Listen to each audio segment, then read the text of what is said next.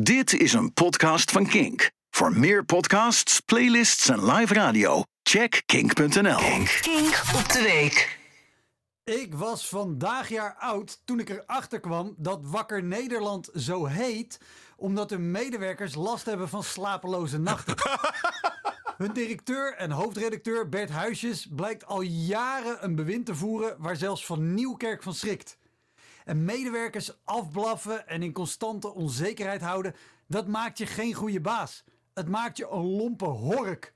Ja, maar, roepen andere lompe horken dan, je moet streng en hard zijn, anders krijg je nooit goede resultaten. Nee, polder Andrew Tate, dat hoeft helemaal niet. Jammer voor jou dat jij van je moeder nooit iets mocht, maar dat is jouw probleem. Wanneer is er iets geknapt bij dat soort sneuwe mannetjes dat ze besloten: vanaf nu moet iedereen het doen zoals ik het wil? En wat ging er mis bij Bert Huisjes? Opende hij zijn lunchbox en zag je voor de zoveelste keer kaas in plaats van kokosbrood? Werd hij op de middelbare gepest om zijn klittenbandschoenen? Of zong iedereen steeds huisjes, huisjes, hij doet het met zijn vuistjes? Iedereen het gevoel geven dat ze niks waard zijn en je eigenlijk dankbaar moeten zijn dat ze voor jou mogen werken, heeft helemaal niks te maken met leiderschap. Tenzij leiderschap de afkorting is voor teringleiderschap. De enige andere groep die zo werkt zijn loverboys. En misschien dat Huisjes daarom voorla- vooral losging tegen de vrouwen bij WNL. Hij werd boos als ze zwanger werden. Al denk ik niet dat het was omdat hij dan vervanging moest regelen. Maar vooral omdat hij boos was dat ze niet zwanger waren van hem. Huisjes kreeg bijval van oud-hoofdredacteur Emiel Bode. En dat is logisch, dat iemand die Bode heet hem te hulp schiet als een bediende. Bode geeft tegenwoordig huishoudtips bij Omroep Max. Dus ik snap dat hij wilde helpen om Huisjes straatjes schoon te vegen. Wel fijn voor hem trouwens om bij Max te werken. Daar wordt nooit meer iemand zwanger. En het valt ook helemaal niet op als je de hele dag schreeuwt. Een van de oud-medewerkers die zich uitsprak over WNL was Merel Westrik.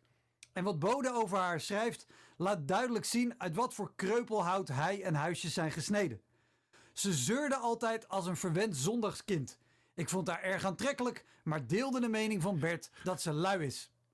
En over Jinek schrijft hij dat ze veel getalenteerder was, maar in de beginperiode ook tamelijk hysterisch en onredelijk.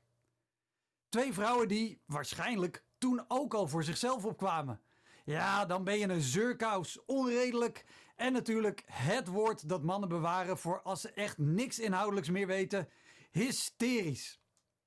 De Raad van Toezicht van WNL stond eerst vierkant achter Huisjes, maar draaide als een blad aan de boom.